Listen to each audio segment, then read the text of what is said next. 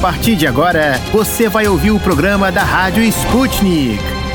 Olá, ouvintes. Eu sou a Tayana de Oliveira e estou com a Melina Saad. Nós vamos apresentar o programa de hoje da Rádio Sputnik. Isso mesmo, Thay. Vamos trazer agora o que acontece de mais importante nesta sexta-feira, dia 8 de abril. Um levantamento do Datafolha, realizado nos dias 5 e 6 de abril, mostra que Fernando Haddad, do PT, é o candidato ao governo paulista mais conhecido e mais rejeitado. Mesmo assim, o político lidera as intenções de votos na corrida governamental com 29% dos votos. Na sequência, aparece Márcio França. Cerca de duas mil pessoas dos municípios de São Paulo foram ouvidas. No Rio de Janeiro, o levantamento também mostra uma vantagem para candidatos de esquerda. Na disputa pelo governo do estado, os participantes da pesquisa do Datafolha deram preferência ao deputado federal Marcelo Freixo, do PSB, e o atual governador Cláudio Castro, do PL. Na corrida presidencial, o PSB indicou o ex-governador de São Paulo, Geraldo Alckmin, para ocupar o posto de vice na chapa encabeçada pelo ex-presidente presidente Lula do PT. Os antigos adversários se reuniram na manhã de hoje em São Paulo para firmar a aliança. Além do PSB, devem compor a chapa de Lula, PV, PCdoB e Solidariedade. O Partido dos Trabalhadores ainda tenta atrair outros partidos como PSOL e Rede, que devem formar uma federação, e também o PSD. Nas últimas pesquisas de intenção de voto, Lula aparece na liderança, seguido pelo presidente Jair Bolsonaro do PL, que tentará a reeleição. Ainda falando sobre política, mas destacando Brasília. Ontem, o ministro da Economia, Paulo Guedes, admitiu que o governo federal estuda dar reajustes salariais. No entanto, ele afirmou que conceder reajustes salariais gerais poderia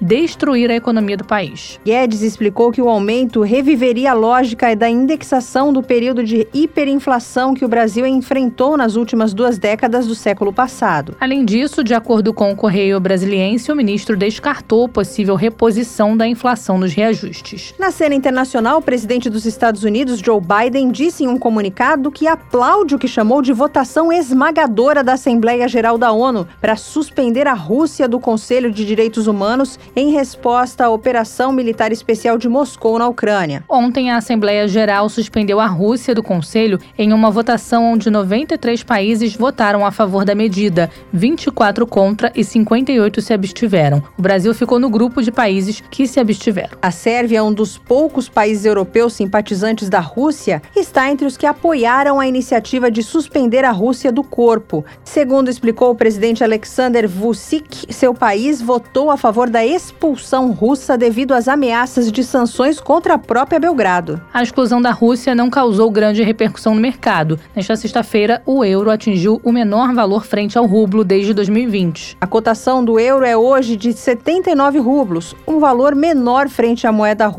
desde junho de 2020, ao passo que o dólar caiu para 75,10 rublos. A cotação mostra uma resiliência da economia russa frente às sanções impostas pelo Ocidente. E as forças de defesa de Israel mataram um terrorista que assassinou duas pessoas a tiro no centro de Tel Aviv, segundo o jornal israelense Jerusalém Post, que citou a Agência de Segurança de Israel. Ainda de acordo com a publicação, o terrorista foi encontrado pelas forças de segurança do país em Jaffa, no subúrbio de Tel Aviv. Aviv e acabou morto em um tiroteio. O homem de 28 anos foi identificado como sendo da cidade de Jenin e estaria em Israel de forma ilegal. O atirador, além de matar duas pessoas em Tel Aviv na quinta-feira, deixou pelo menos outras 12 feridas, incluindo quatro com ferimentos graves. Depois desse giro de notícias, que tal vermos o que preparamos para vocês nesta sexta-feira, dia 8 de abril? E no programa de hoje.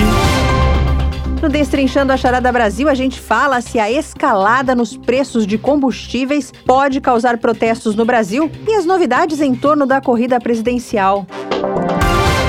Na hora do play, 30 pessoas morreram depois que um míssil usado pelas forças ucranianas atingiu um terminal ferroviário em Kramatorsk. No Você Sabia, que é o nosso quadro sobre curiosidades do Brasil, vamos falar sobre o fato de sermos o país com a maior população negra fora da África. O Deu Russo, que é o nosso quadro de bizarrices da Rússia, vai contar a saga de uma tartaruga do Mediterrâneo que foi parar em águas russas. Destrinchando a charada. De dentro e fora do Brasil política, economia, sociedade e tudo que engloba o maior país da América Latina. As charadas mais complicadas do Brasil são destrinchadas aqui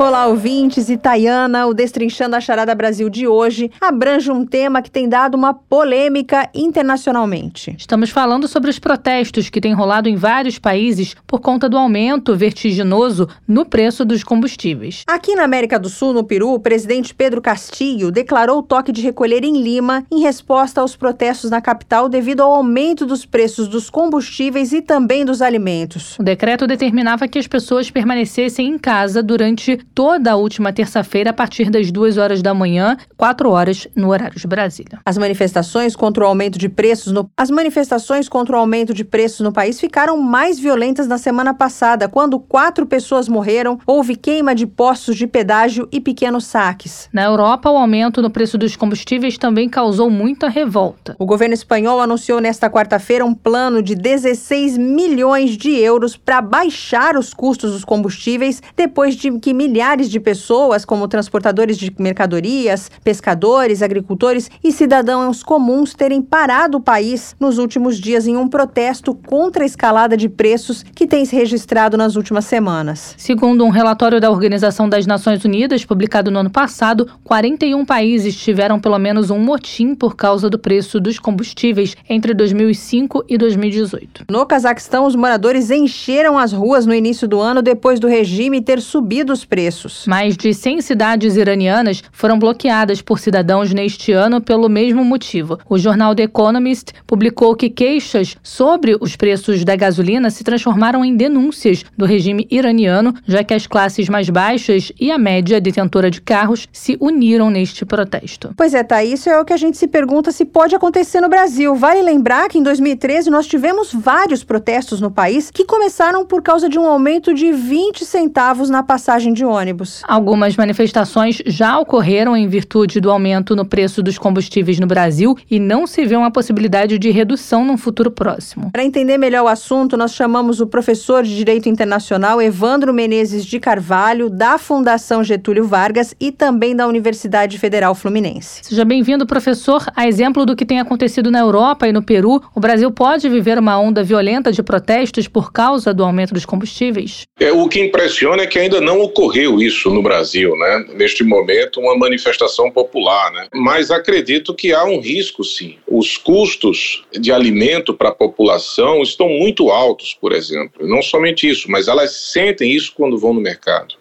As famílias das classes C e D já estão fazendo o possível né, para troca de tipos de alimentos, né, reduzindo inclusive o número né, de refeições por dia. Então, isso em algum momento vai gerar, claro, uma insatisfação. Já existe essa insatisfação, e agora o fato é que essas insatisfações elas podem depois redundar né, numa manifestação, num protesto, né, de uma revolta é, inicialmente localizada e isso se espalhar pelo país. Isso é um contexto, é, vamos dizer assim, humano, né? Então, quando as famílias começam a perceber que o produto do seu trabalho, um trabalho árduo, suado, que ela já fazia e que dava conta, né, para alimentar a sua família, seus filhos, etc., já não consegue mais, é evidente que a população não vai é, assistir isso é, de maneira impassível. É uma reação natural. Em 2013, o Brasil assistiu a muitas manifestações em razão de centavos no preço da passagem de ônibus. Agora a gente está vendo os preços dispararem e o brasileiro não tem se manifestado. Como é que o senhor vê isso? Essa pergunta foi muito curiosa, né? Porque de fato tudo começou com um protesto em função de um aumento de 20 centavos numa passagem de ônibus. As pessoas, elas estavam acostumadas com, enfim, viver um momento, né, que a economia do Brasil estava indo muito bem. Isso foi durante o governo Lula Lula,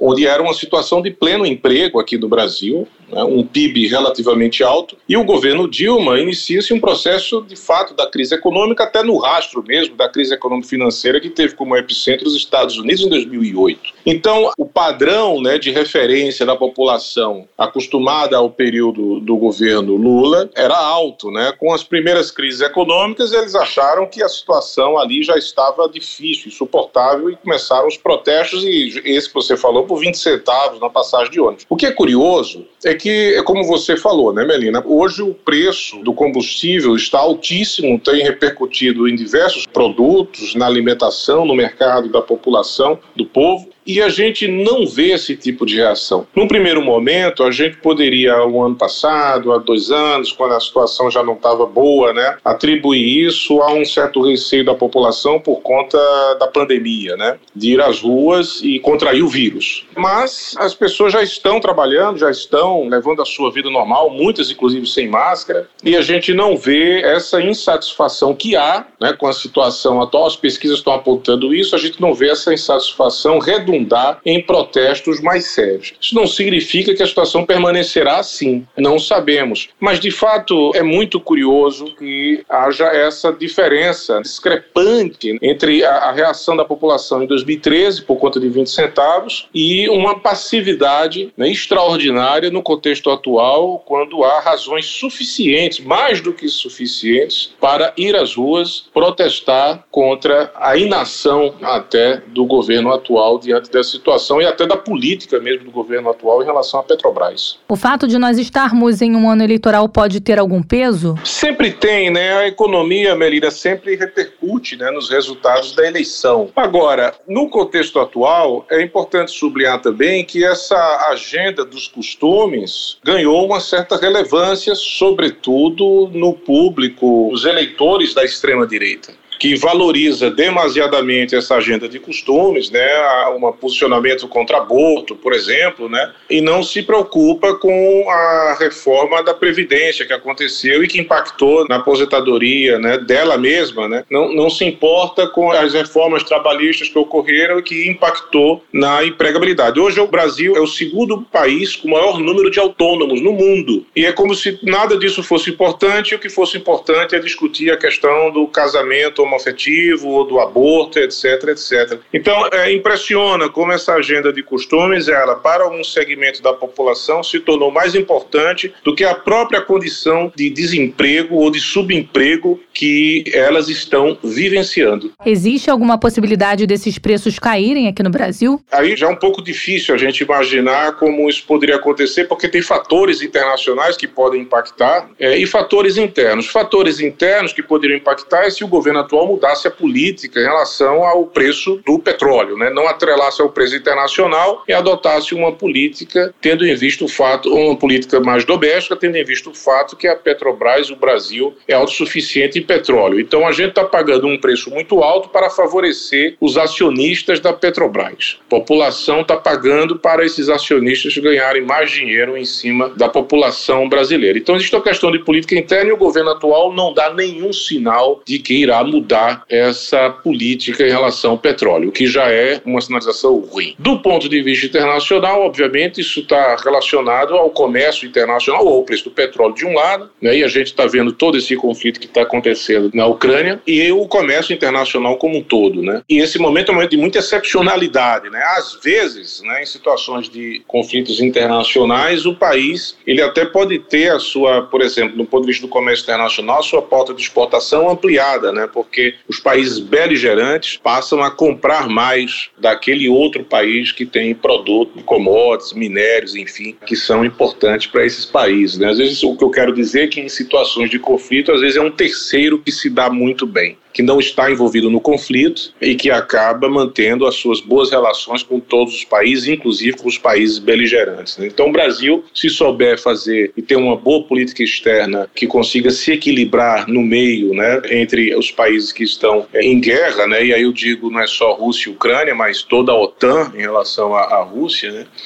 então o Brasil pode aí conseguir preservar um pouco a sua economia de determinados abalos. Mas é um contexto de muita excepcionalidade esse que estamos vivendo e que exigiria do governo brasileiro uma ação urgente de contenção de riscos de proteção da população brasileira, de previsão das consequências do que está acontecendo no plano internacional. E nós não vemos isso. Não estamos discutindo ações de políticas governamentais diante desse contexto internacional de muita gravidade. Isso é muito ruim. O que foi feito na Espanha do governo injetar dinheiro para baixar o preço do combustível poderia acontecer aqui também? Eu não sou um economista, né? não quero entrar na área dos economistas, né? Mas o Brasil, acredito, tem muitos instrumentos em sua mão para tentar reduzir o preço do combustível. Essa pode ser uma das políticas possíveis. Claro que aí precisa se discutir com os economistas quais os impactos disso, os efeitos disso, mas há políticas que nós lemos, que nós discutimos, que a gente vê os economistas debatendo, mas nós não vemos o governo atual brasileiro debater esses temas de uma maneira aberta, franca com a população para resolver o problema do combustível. A gente não vê. E isso é que preocupa mais, porque se houvesse uma proposta, poderíamos debater esta proposta do governo para saber se é boa, se não é, quais são as consequências, quais são as opções alternativas, mas não há propostas que de fato visem equacionar esse problema de vez. Muito pelo contrário, se fala inclusive agora em fatiar a Petrobras, privatizar a Petrobras, como se a privatização fosse resolver o problema do preço do combustível. E não vai. Existe alguma maneira do brasileiro enxergar esse aumento como uma questão puramente internacional? Ou o senhor acha que pode respingar no presidente Jair Bolsonaro ou o próximo governante? Primeiro, esse aumento já vai ter repercussões nessa eleição. Não tem como. Um dos candidatos da oposição provavelmente deverão explorar né, a situação do povo brasileiro, da perda do poder de compra em função do aumento do combustível e como isso foi repercutindo toda a cadeia produtiva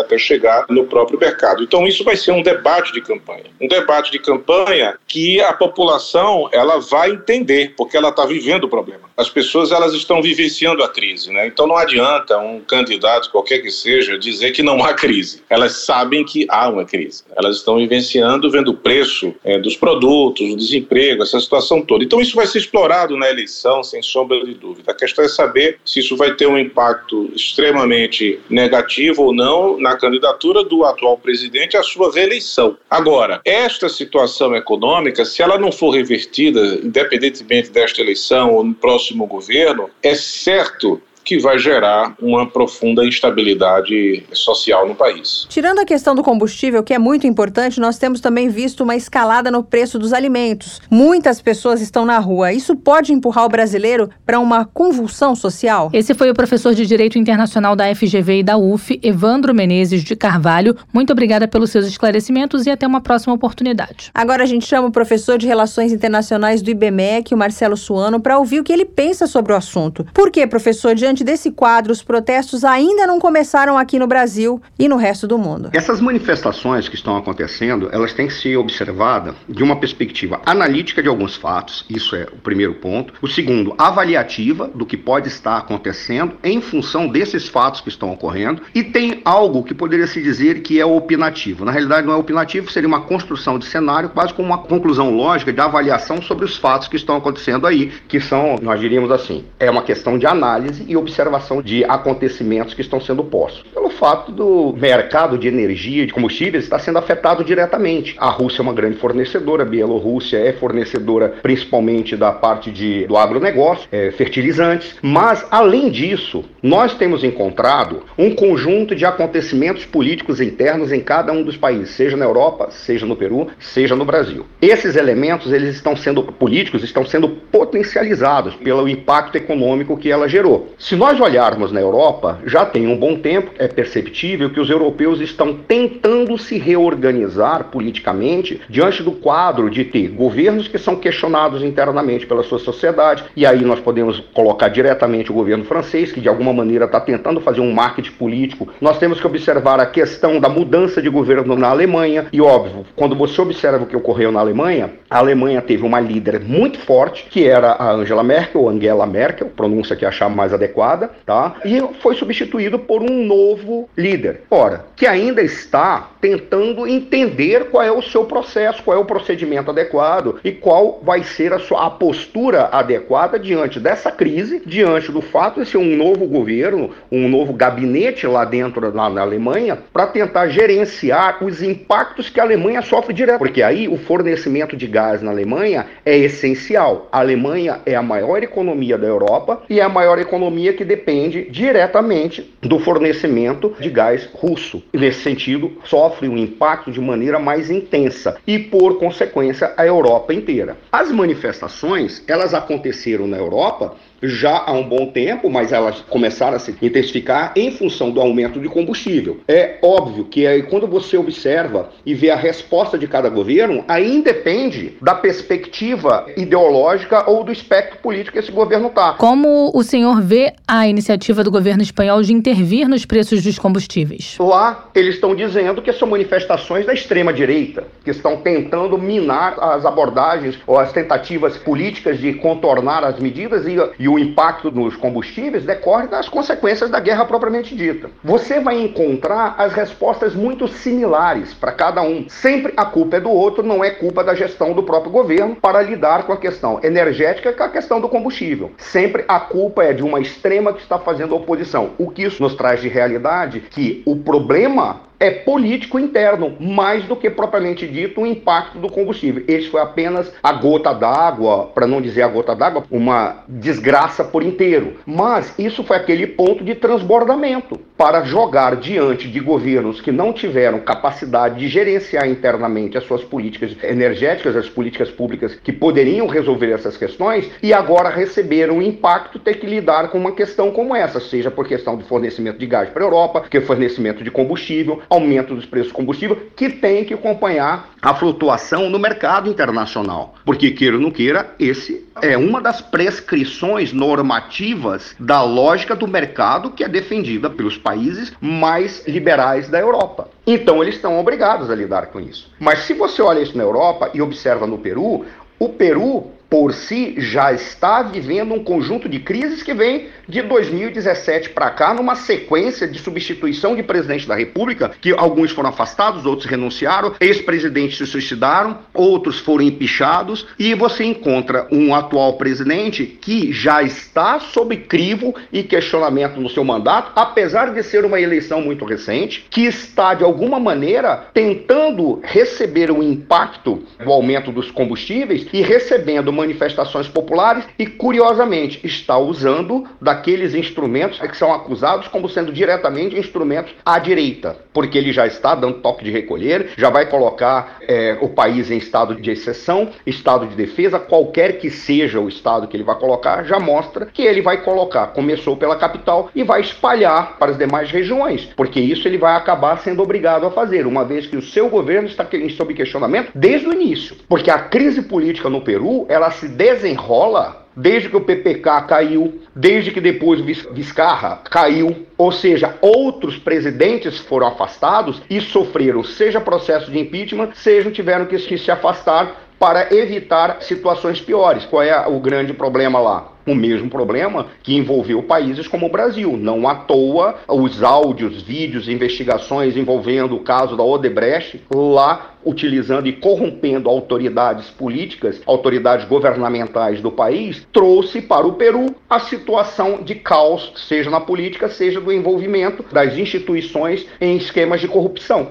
Então, lá ele já vive um caos político, ele já vive uma crise política. E isso também, a questão do preço dos combustíveis, é uma questão que ela é acessória a um conjunto de elementos que já está no ambiente político peruano. Professor, e como é que fica a nossa questão eleitoral no meio disso tudo? O Brasil já está num período de efervescência. Nós estamos num momento de turbulência e num momento de polarização. A polarização tem afetado o país, já tem aproximadamente, vamos dizer assim, 20 anos, 10, 12, vamos botar os 13 anos de PT, os dois anos do Temer e esses três anos. São 13, 15, 12, 2, 15 e 3, 18. 18 anos aproximadamente. Em especial, do momento em que o Partido dos Trabalhadores assumiu, a polarização foi sendo construída e depois ela foi intensificada, porque no primeiro momento houve um pacto do, do Partido dos Trabalhadores em manter uma política econômica do Fernando Henrique Cardoso, incluindo medidas políticas de cunho de inclusão social. Mas isso esgotou, teve um teto. A partir daí investiu-se na polarização da sociedade. Com o Bolsonaro, essa polarização foi intensificada, alguns acusam o Bolsonaro. Eu prefiro dizer que ele é uma peça de um conjunto de elementos, porque a polarização foi intensificada, em especial por aqueles que ficaram na oposição aqueles que foram derrotados. E o Bolsonaro utilizou menos do artifício da política de apaziguamento e mais da política de confrontação. Por isso a polarização está muito grande no país. Tá? E isso tem sim sido um elemento essencial para a gente entender que a crise política no Brasil já existe e ela está se intensificando cada vez mais. Ora, o ano eleitoral ele é apenas um ponto, porque essa é outra questão que foi colocada, né? Se isso pode ser influenciado por estarmos em um ano eleitoral, essa questão dos protestos. O ano eleitoral ele é o ponto essencial, tendo esse elemento da guerra que e teve impacto no mercado de energia ou no fornecimento de energia de combustíveis para o mundo e teve um aumento de preço de combustíveis no Brasil. E, claro, o ano eleitoral ele está sendo usado, sim, por todos os segmentos e por todos os espectros. Para quê? Para, de alguma forma, que as lideranças políticas que estão se digladiando tirem proveito de alguma maneira, seja em relação a possíveis adoções de políticas públicas que fariam no lugar do atual presidente, seja para dizer, no caso do governo, para dizer que não tem o que fazer. O senhor consegue fazer uma previsão dos próximos passos que nós podemos viver nesse ano? Quando vamos escolher um novo presidente ou reeleger o que está aí? Parece que a humanidade é deixada de lado e o que interessa é apenas a eficiência no jogo e a eficácia no resultado. Nesse sentido, as pessoas tornam-se objetos. E aí, o ano eleitoral, sim, ele está influenciando de alguma maneira para ter reivindicações, para ter manifestações e para ter ações concretas do governo, seja para reduzir e controlar o impacto que está trazendo para a nossa economia em função do aumento do preço dos combustíveis, no caso do mercado internacional para o fornecimento da commodity, que são os hidrocarbonetos, e a maneira como é tratado por políticas públicas erradas que foram feitas ao longo de vários anos. Porque se nós temos a produção e nós compramos externo, significa que nós optamos por uma política pública de não fazer a produção do combustível propriamente dito no suficiente que é necessário para o mercado interno, ao ponto de ter que comprar no mercado internacional. Isso é política pública errada que não é desse governo. É de governos anteriores esse apenas está a reboque. Se ele deveria ter tomado uma outra decisão, é uma outra questão. E aí tem que avaliar se ele deveria ter reconstruído tudo, tá? Mas é outra questão, porque isso não é apenas culpa de um governo, é um processo, é um processo de escolhas erradas que está impactando nesse momento. Existe uma maneira desses preços caírem? E um ano eleitoral, sim. Esse ano eleitoral ele está influenciando. Se existe alguma possibilidade desses preços caírem aqui no Brasil, essa é uma medida que é assustadoramente é, política, não é técnica, por incrível que pareça. Tecnicamente, nós temos que acompanhar a flutuação de preço no mercado internacional. Ok. Só que nós temos outros problemas. Primeiro, a Petrobras é uma empresa de capital misto, o governo tendo um percentual acionário gigantesco, razão pela qual ele é determinante no processo. Mas o governo vai fazer isso porque você vai interferir para dizer caia o preço porque eu estou mandando, ele não pode fazer isso. Ele não tem condição de fazer isso. Ele não tem autorização para fazer isso. Ele pode, no máximo, colocar no conselho é, perspectivas. Não à toa os afastamentos dos presidentes da Petrobras se dá exatamente para tentar, de alguma maneira, verificar forma de que o governo possa ter uma, não uma interferência, mas que ele possa ter uma opinião forte, que possa influenciar as determinações ou as decisões do Conselho, porque é uma empresa que não pode perder ser desvalorizada no mercado. Essa é a lógica. Só que tem um dado. Como que pode fazer o preço cair no Brasil? O, o governo matou a charada. Se ele não pode interferir na questão da flutuação do preço, preço no mercado internacional, ele pode interferir na questão da tributação, razão pela qual fez uma série de campanhas mostrando a culpa não é nossa, porque o preço do combustível para a gente poderia custar dois reais e pouco, o qual os outros quase 200%, 300% que é colocado acima vem de onde? Em especial dos tributos estaduais, então a culpa são dos governadores, que não apenas colocam tributo, como colocam tributo sobre tributo. Então a culpa é deles. Onde que o governo poderia atuar? Ele poderia atuar no Congresso obrigando, tal qual está fazendo, obrigando para que o ICMS não possa mais ser cobrado da maneira como é cobrado, é, significando uma queda nos preços dos combustíveis. Mas aí é um outro passo. Por quê? Porque se ele conseguir fazer isso, se consegue fazer isso, ele tem que obrigar que esses preços tenham impacto na bomba, lá na hora do fornecimento, na hora de utilizar no carro. Como é que ele vai fazer? Tem que ter uma outra determinação que obrigue para que os preços caiam em função dos abatimentos que ocorreram, uma vez que foram cortados os tributos ou impedido que os tributos estaduais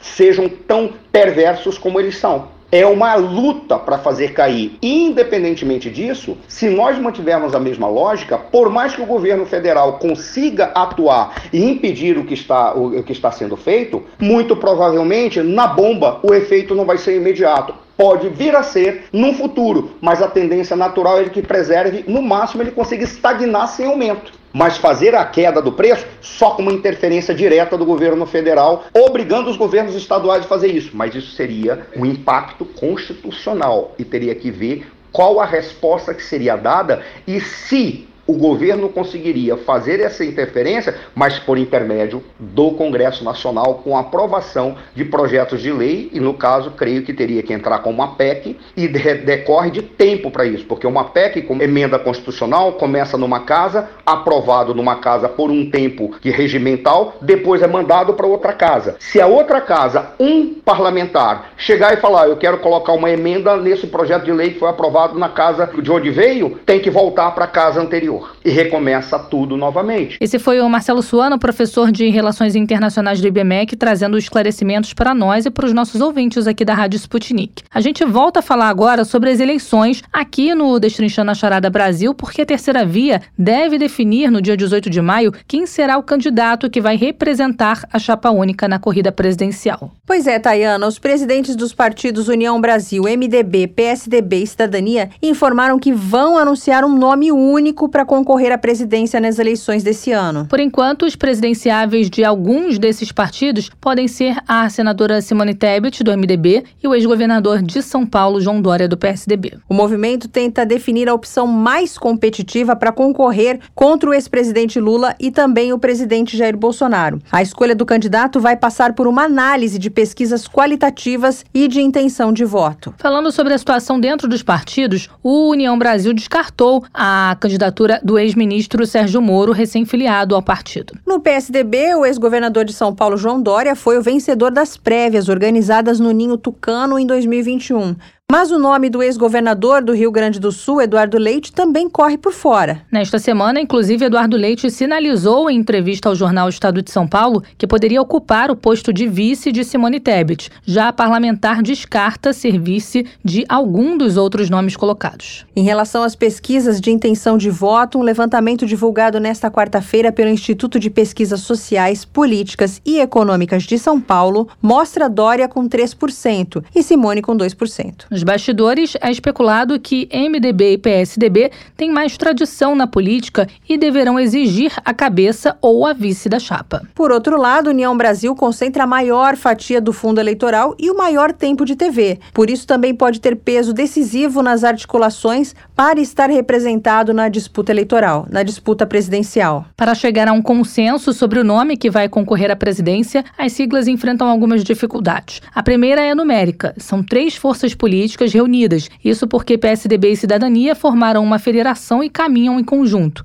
para apenas duas vagas na chapa presidencial. Ou seja, um dos três terá que aceitar ficar de fora. Até agora, ninguém indicou que está disposto a recuar. Além disso, PSDB e União Brasil ainda têm o desafio de encontrar consenso internamente. No Ninho Tucano, a disputa envolve Dória e Leite, e no União Brasil, Sérgio Moro enfrenta a oposição de uma ala do partido que pode lançar o nome do presidente nacional, Luciano Bivar. Os presidentes do União Brasil, MDB, PSDB e Cidadania se reuniram nesta quarta-feira em Brasília. Após o encontro, foi divulgada uma nota informando a data para o anúncio do candidato único. No comunicado, os partidos ainda convocaram outras siglas para integrar a chamada terceira via. A terceira via é o nome dado a uma tentativa de eleger um candidato diferente do ex-presidente Luiz Inácio Lula da Silva e do atual chefe do executivo Jair Bolsonaro. Desde o ano passado, partidos do chamado centro negociam um nome comum para enfrentar os primeiros colocados nas pesquisas. A gente traz agora o ponto de vista de um especialista no assunto. Nós vamos conversar com a cientista política e professora da Unirio, Clarice Gurgel. Muito obrigada por nos atender, professora. Começo te perguntando o seguinte: nos bastidores, o nome da senadora Simone Tebet é o mais cotado para encabeçar a chapa única, mas os baixos índices de intenção de voto da parlamentar podem atrapalhar nessa escolha? Esse baixo índice pode. Agora, esse baixo índice, as pessoas que são mais experientes aí em eleições e acompanham as eleições desde a redemocratização no Brasil, sabem que esses nomes que são mais desconhecidos, eles podem inclusive reverter o quadro, mudar e ir até para a cabeça né, na, na, disputa. E quando começa o período de programa eleitoral e de campanha, essas coisas mudam muito. Então, prejudica esse índice baixo, mas isso daí não é o determinante para que a Simone Tebet ela fique de fora nessa costura aí dessa unidade do, da terceira via. Até que ponto a postura da senadora Simone Tebet de não aceitar ser vice na chapa atrapalha as articulações? Olha, isso atrapalha bastante. Isso tem atrapalhado bastante a terceira via, né? A terceira via, ela conta um setor que é muito interessante isso, né? A terceira via conta com um setor que antes era tido como coadjuvante de linha de frente da redemocratização e da própria democracia brasileira, que é o, o PMDB, o MDB, né? Agora, a linha de frente é o chamado centrão, que já não é mais centrão, não está no centro, está na linha de frente. Então mudaram aqui os papéis. E aí isso faz com que esse traço do, do PMDB ou esse traço dos partidos que são partidos mais frágeis, né, o PMDB se fragilizou nesse processo todo, começa a apresentar uma dificuldade comum de uma prática mais oportunista e de uma prática mais mercadológica da política, que é não abrir mão do seu próprio nome. Isso marcou a redemocratização brasileira e isso marca agora, né, uma espécie de redemocratização também. A gente vive aí uma espécie de tentativa de redemocratização. E aí isso reproduz esse cenário, que é um cenário de intransigência, ou seja, ninguém transige. Ou seja, por mais que se fale de mercado político, cada um quer ser o produto principal, quer ser a mercadoria principal. E aí não tem negociações. Essa é a dificuldade aí dessa terceira via, né, que está mais com cara de centrão, porque cada um se apresenta como a mercadoria principal e não está disposto a abrir mão do seu lugar. Isso aí é o principal sintoma do Ciro, né, do Ciro Gomes. Mas se a Simone Tebet, ela afirma essa posição, que não é só dela, né, ninguém quer ser vice, isso dificulta essa costura. A tradição política do MDB e do PSDB pode ser um ponto a favor para a escolha de um candidato e de um vice dessas siglas? Sim, essa tradição é que permite que eles tenham quadros, né? Por mais que tenha uma crise de quadros generalizada, não só na direita como na esquerda, essa tradição, acima de tudo isso, que permite que eles façam esses arranjos precários e arrumem esses quadros que são quadros frágeis, mas que têm aí um lastro, que tem uma história. É bem diferente, sim, de partidos fisiológicos, que agora ocupam aí essa linha de frente. PMDB e PSDB, eles carregam uma trajetória no Brasil Brasil que a gente não pode enquadrá-los como partidos que não são capazes de apresentar quadros que têm história, uma história que a gente possa contar e não uma história avergonhada e vexaminosa como os quadros do Centrão, né? justamente o PSDB e o PMDB, né, que agora é MDB, serem parte da tradição brasileira, né, da democracia brasileira, e a tradição brasileira, da democracia brasileira, ela ser muito carregada de caciques, né, de caudilhos, daquelas figuras que às vezes né, assumem a feição de pai ou herói da nação, eles têm mais dificuldades de abrir mão dos seus próprios nomes, porque eles se consideram também como portadores ou herdeiros dessa tradição. Então, mesmo que sejam jovens ou mesmo que sejam novos, eles vêm com essa carga da tradição e isso dificulta também as composições, as transações, as concessões em relação a si mesmo. E como é que fica a situação do partido que ficar de fora da chapa presidencial? Eles vão tentar negociar possíveis cargos ou possíveis favores, porque a gente nunca pode perder de vista como que o modo de produção social determina as práticas e as relações de troca na sociedade. E aí a política nesse modo de produção sempre assume essa feição de mercado. Então esses que vão ficar de fora vão negociar um modo de ficar de dentro, né?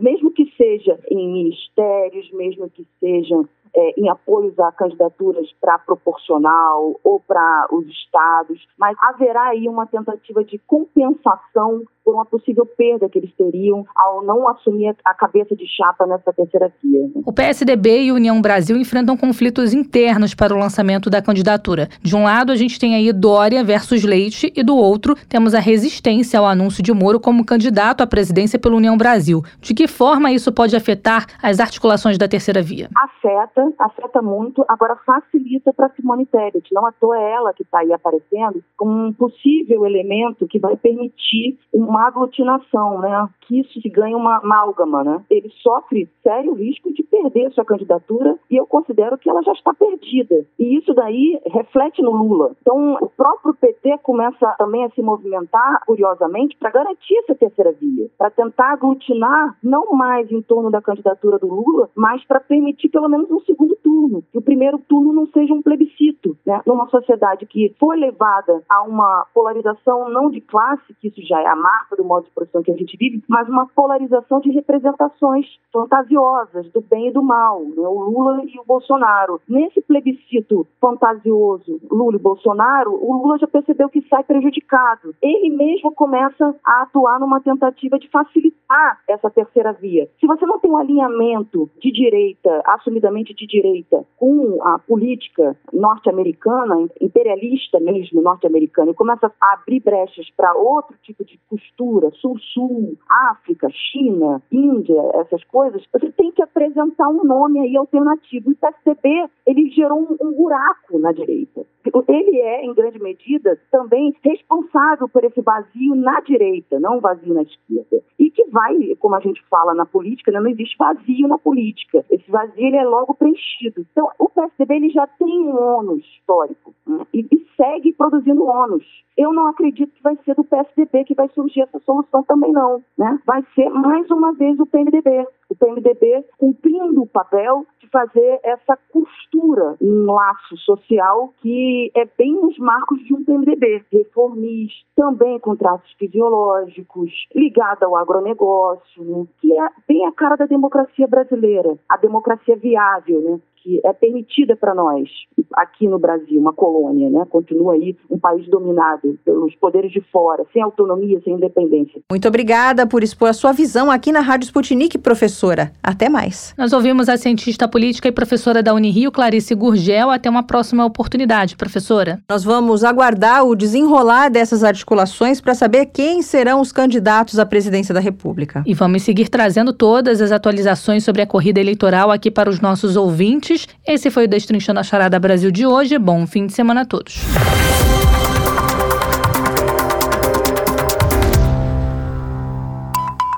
Para ficar por dentro de todas as novidades, tanto mundiais como brasileiras, se inscreva no nosso canal do Telegram.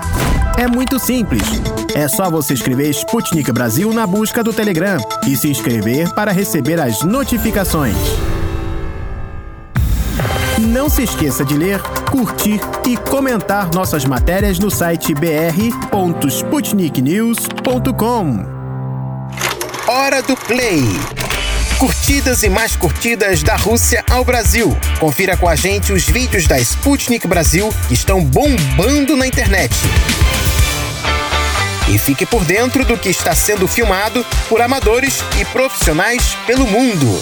Chegou a hora do play e eu quero saber o que está bombando na internet. Você também, né, Thay? Claro que quero. Traz pra gente, Tito. Olá, amigos da Rádio Sputnik. Meu nome é Tito da Silva e eu trago para vocês os vídeos da Hora do Play. E para quem não sabe aonde ver os vídeos da Hora do Play, é muito fácil. Basta você acessar o canal da Sputnik Brasil na plataforma de vídeos Odyssey. É só digitar no seu navegador Sputnik Brasil Odyssey. Não sabe digitar Odyssey? Eu soletro para você. O-D-Y-S-E-E.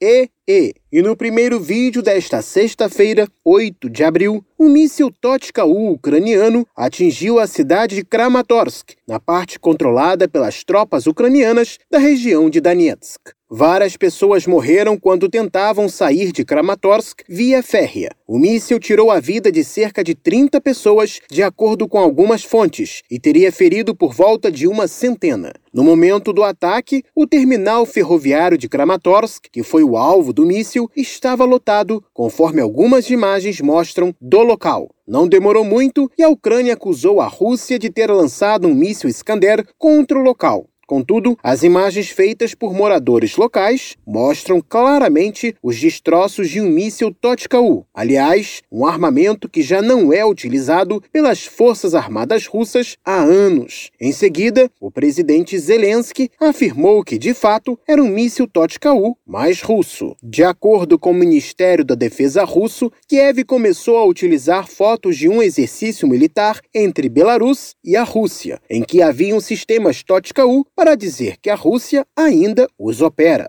sendo que, na verdade, as fotos mostram sistemas Totka-U de Belarus. O ataque ucraniano levantou suspeitas de que Kiev precisa de mais um caso chocante, como o estranho massacre de Bucha, para buscar maior pressão internacional contra a Rússia. O vídeo você pode achar na Odyssey digitando Ucrânia busca outra Bucha RPD chama ataque ucraniano com míssil contra Kramatorsk de provocação. E no segundo vídeo de hoje, na quinta-feira 7, o presidente sérvio Aleksandar Vučić afirmou que a Sérvia votou pela expulsão da Rússia do Conselho de Direitos Humanos da Organização das Nações Unidas sob ameaça de sanções contra Belgrado. O presidente sérvio também falou sobre um estranho incidente com um avião de passageiros de seu país e um caça da OTAN. A pressão contra países que não aderiram às sanções antirrussas promovidas pelos Estados Unidos e União Europeia é cada vez mais evidente. Nos últimos dias, o presidente do Paquistão, Imran Khan, afirmou que havia um plano ocidental para o matar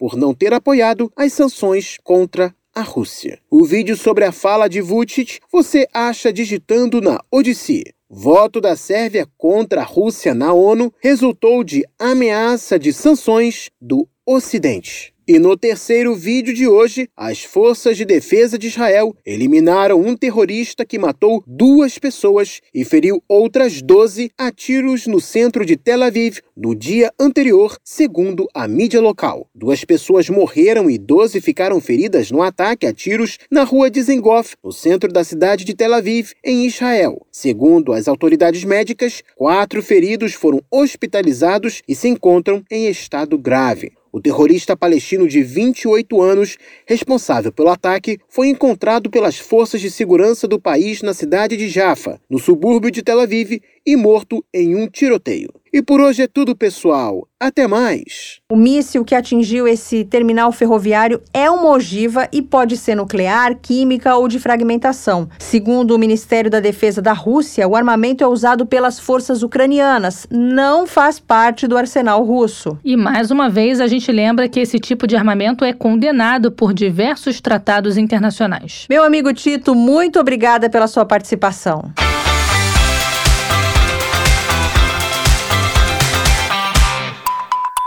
Para ficar por dentro de todas as novidades, tanto mundiais como brasileiras, se inscreva no nosso canal do Telegram. É muito simples. É só você escrever Sputnik Brasil na busca do Telegram e se inscrever para receber as notificações. Tem alguma dúvida ou comentário sobre a Rádio Sputnik? Você pode entrar em contato com a gente através do e-mail radio.br@sputniknews.com. Você sabia? Não? Agora vai saber! Num país gigante como o Brasil, sempre há mistérios ou peculiaridades históricas que merecem ser desvendados. Vem com a gente descobrir! Olá, ouvintes! Vamos trazer hoje mais uma curiosidade sobre o nosso país. Vocês sabiam que o Brasil é o país que tem a maior população negra fora do continente africano? Pois é, ouvintes, todos nós estudamos sobre a chegada de negros escravizados ao Brasil durante o período colonial. Uma história triste, mas que precisa ser lembrada, até porque é conhecendo o passado que entendemos o presente. Com certeza, Thay. Hoje, mais da metade da população brasileira se autodeclara negra, segundo dados do IBGE. Apesar disso, negros negros ainda são minoria em cargos de liderança e na representação política do país, que ainda sofre com o racismo estrutural. Para falar um pouco sobre essa realidade, nós vamos conversar agora com João Paulo Lopes, historiador e professor do Instituto Federal de Educação, Ciência e Tecnologia do Sul de Minas. João, muito obrigada pela sua participação. Para começar, você poderia falar um pouco sobre os motivos que tornam o Brasil o país que tem a maior população negra fora do continente africano? No que diz respeito à quantidade de pessoas afrodescendentes que vivem no Brasil atualmente, né, são cerca de 54% da população total do Brasil, estimada hoje em dia em 215, 220 milhões. A gente vai ter certeza dessa quantidade, dessa cifra, quando sair o censo 2022, mas isso tudo indica que é isso. Tem a ver, né, a maior nação negra fora do continente africano, em termos aí absolutos, tem a ver com o longo processo de tráfico de pessoas vindas do continente africano para serem introduzidas no que era uma colônia de Portugal desde o século XVI, como pessoas escravizadas, para trabalhar nos mais diversos tipos de atividades e trabalho. Essa atividade para a costa brasileira, que era colonizada por Portugal, costa brasileira do que hoje é o Brasil, inicia-se por volta da década de 30 do século XVI, 1538, e ela perdura até 1860. E a escravidão em si, né, a escravização das pessoas negras e afrodescendentes, vai até o ano de 1888. Ou seja, desde os primeiros navios negreiros ou tumbeiros, como eram chamados, até o fim da escravidão no nosso país foram cerca de 350 anos. As estimativas mais seguras em termos aí de história quantitativa, né, das estatísticas, é que foram cerca de 12 milhões de africanos das mais diversas regiões do continente africano, das mais diversas culturas, etnias, falando línguas distintas, que eram aí originárias de reinos, vilarejos, organizações políticas, também muito diferentes entre si. As estimativas é que desse total de 12 milhões, cerca de 5 milhões delas foram introduzidas nos portos da América Portuguesa antigamente, depois do Brasil. As maiores cifras ocorreram principalmente no século XIX, mas também no século XVIII houve uma introdução muito grande de africanos para serem introduzidos aqui como escravizados. É, nos séculos anteriores houve também, século XVI e XVII, mas uma quantidade muito menor. Então, significa que no momento de grande globalização, digamos assim, muito embora o termo não fosse esse, houve a introdução de uma quantidade muito grande de africanos aqui no nosso país, no século XVIII e principalmente XIX. A influência africana é pouco discutida e reconhecida hoje no Brasil. O que você pode nos contar sobre a influência africana na nossa cultura, em coisas assim do dia a dia? A respeito dessa influência africana no Brasil, ela é reconhecida, mas pouco reconhecida de fato e talvez muito estereotipada na perspectiva do folclore, uma terminologia que a gente nem usa mais no século XXI, mas que foi muito comum para lidar com essa participação e influência africana no nosso país. Muito embora também, principalmente para a maior parte da população, há também um certo tipo de estigma e de preconceito com que influência é essa, qual influência é essa, e ela se restringe muito às características culturais, religiosas, as religiões de matriz africana,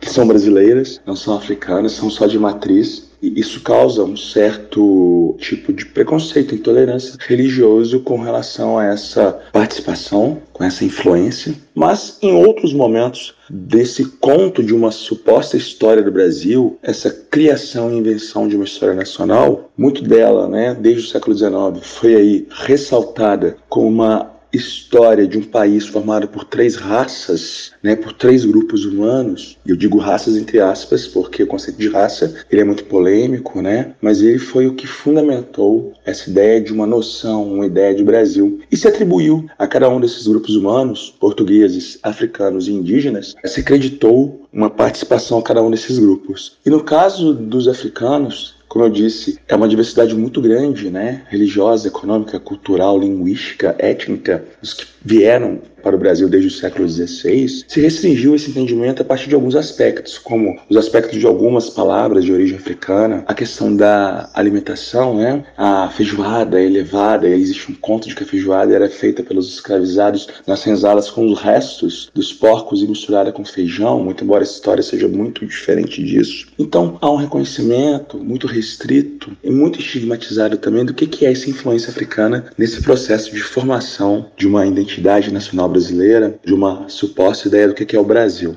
Você atribui esse desconhecimento ao racismo estrutural? Então, essa influência, ao longo da história, ela é restringida a esses aspectos. E, é, sem sombra de dúvida, né, quando você restringe o entendimento de uma população a partir de uma narrativa, de um discurso único, é muito dele ancorado numa ideia eurocentrada de história, né, de outras ciências sociais como antropologia, etnografia, geografia, você acaba correndo no risco de abafar esconder, silenciar a diversidade dessa influência, a diversidade dessa ampla população que aportou aqui e com suas visões, entendimentos, tecnologias, religiosidade, formações familiares, sociais e também essa invenção de estar, criar, ser e se entender num outro mundo, né? Esse mundo do outro lado do Atlântico. Então, existe uma ideia que eu acho que é muito válida para a gente entender, que é houve ao longo desse processo uma espécie de epistemicídio.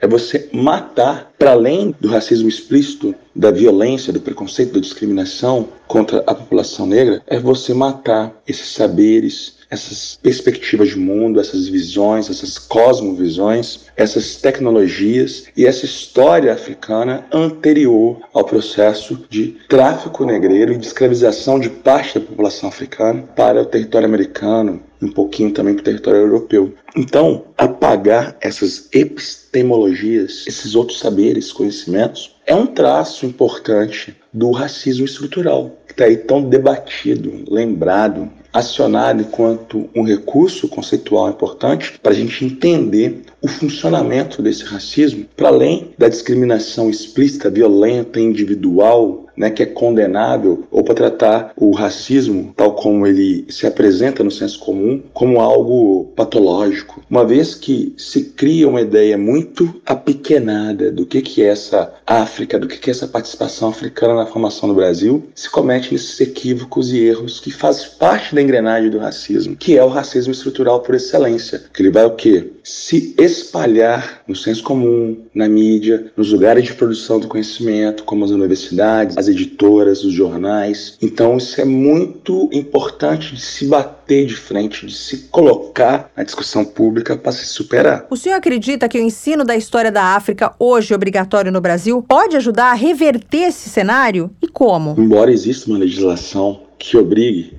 o ensino por várias das disciplinas escolares dessa história da África, dos africanos e afrodescendentes. E depois essa legislação foi ampliada para também contemplar esse ensino da história e da cultura dos indígenas, das populações indígenas. Há, né, uma legislação que vai fazer 20 anos agora, em 2003, é a Lei 10639, depois reformulada como Lei 11645, que foi aí uma consagração de uma luta secular da população negra reunida principalmente movimentos sociais dos negros que sempre olharam para o ambiente escolar como um lugar de superação de combate aos racismos desde o início do século XX, ali no imediato pós-abolição. E a partir da década de 70, esse movimento é revigorado por outras intenções, objetivos, de também se combater essa ideia enviesada, apequenada, limitada do que, que é a história da África, dos africanos, dos afrodescendentes. E é uma longa duração, é uma geração inteira que luta para que isso seja contemplado nos currículos escolares num outro viés, que é um viés aí mais positivado, mais ampliado, mais alargado do que, que essa história da África e da cultura afro-brasileira em especial. Contudo, no ambiente escolar, há um entendimento ainda, ressoa uma estigmatização de como celebrar, cultuar e falar disso, uma perspectiva a partir das disciplinas escolares, que é a ideia, né? A história toma para si boa parte do que é feito no ambiente escolar e a partir de ações muito individuais, muito embora a obrigatoriedade da lei, mas ainda assim existe um longo caminho para que uma história da África e da cultura afro-brasileira e também indígena, não esqueçamos, seja contada sobre outros aspectos, outros vieses. Há uma resistência muito grande por parte dos sistemas escolares, de grande parte dos docentes, das direções, supervisões, em contemplar e alavancar e dar sustentação a essa obrigatoriedade. A própria palavra obrigatória, ela também ressoa negativa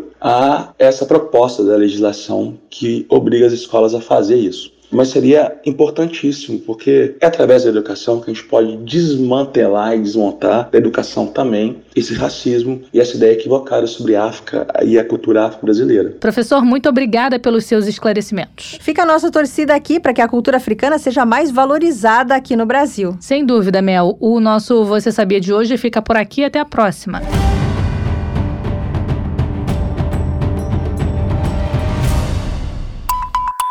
Para ficar por dentro de todas as novidades, tanto mundiais como brasileiras, se inscreva no nosso canal do Telegram. É muito simples. É só você escrever Sputnik Brasil na busca do Telegram e se inscrever para receber as notificações. Tem alguma dúvida ou comentário sobre a Rádio Sputnik? Você pode entrar em contato com a gente através do e-mail radio.br@sputniknews.com. Não se esqueça de ler, curtir e comentar nossas matérias no site br.sputniknews.com. Hora de dar tchau.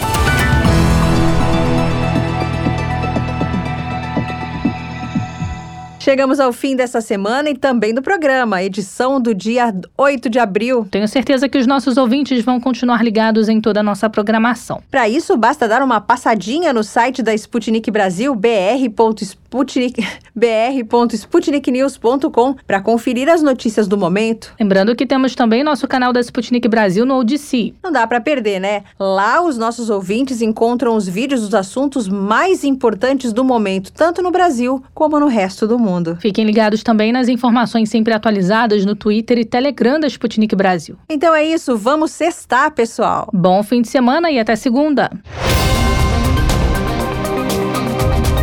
Você acabou de ouvir mais um programa da Rádio Sputnik.